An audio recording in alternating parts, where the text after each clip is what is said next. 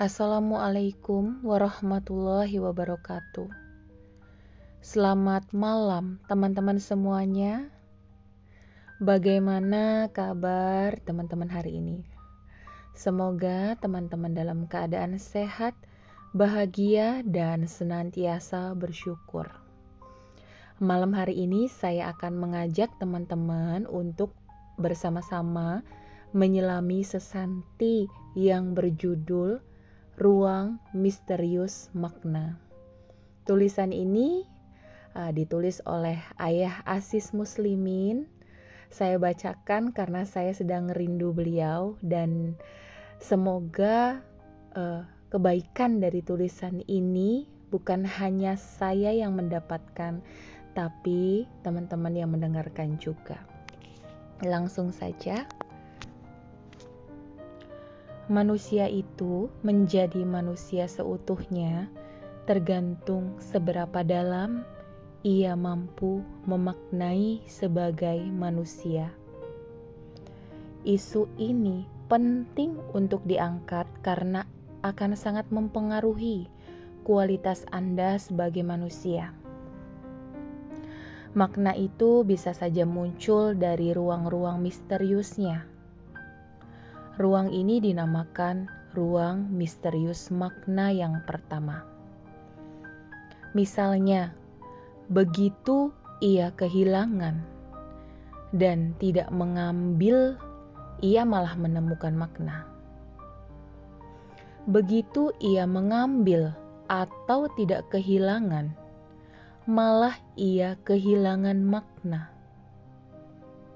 Sepintas lalu, jika kita kehilangan, kita juga kehilangan makna. Tetapi ini sebaliknya. Kita sedang kehilangan, malah menemukan makna. Kehilangan apa itu? Itulah yang dinamakan kehilangan pemberian kegiatan memberi itu ternyata mendatangkan makna, walaupun ia berselancar di balik kehilangan-kehilangan. Jadi, seseorang yang bermakna biasanya seseorang yang relatif ringan dalam pemberian tersebut. Ada juga makna yang muncul dari ketidakenakan Ketidakenakan inilah yang disebut sebagai ruang misterius makna yang kedua. Misalnya adalah kemampuan menahan diri.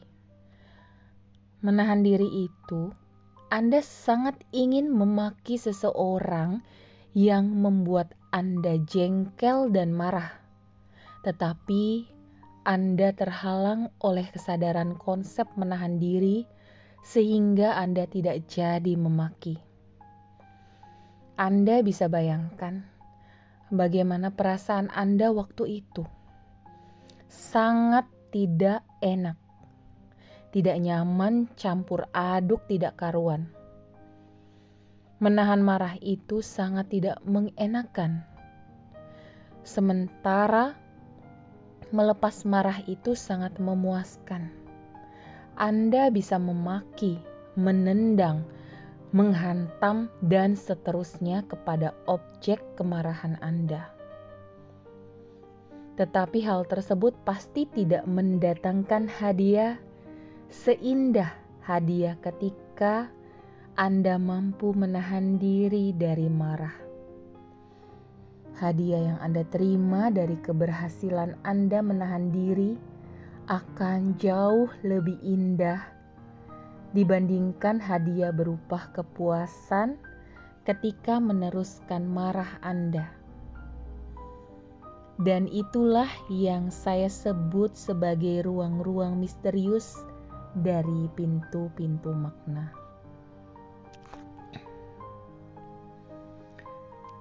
Ada makna yang muncul dari kejeripayahan ini yang saya sebut sebagai ruang misterius makna yang ketiga. Jerih payah itu juga merupakan hal yang ingin dihindari karena ia adalah sesuatu yang tidak mengenakan, sesuatu yang ingin dilimpahkan kepada orang lain. Sayangnya, pemilik makna itu adalah orang-orang yang memilih dan pandai merawat kejerih payahan tadi.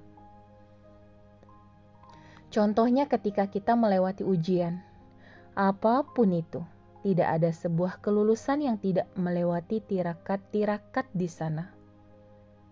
Di sana ada pembelajaran, susah payah mencari dosen, merelakan bangun pagi, dan lain-lain, dan seluruh berisi ketidakenakan.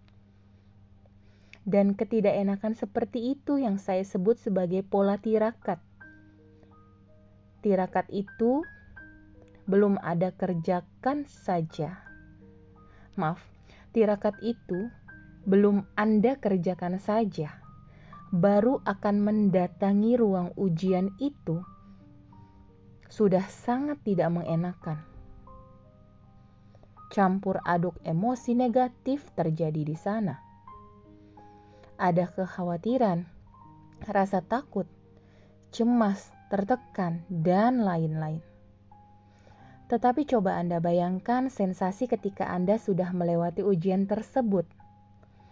Belum dinyatakan lulus, baru merampungkan ujian saja, perasaan kelegaan sudah menguasai jiwa Anda.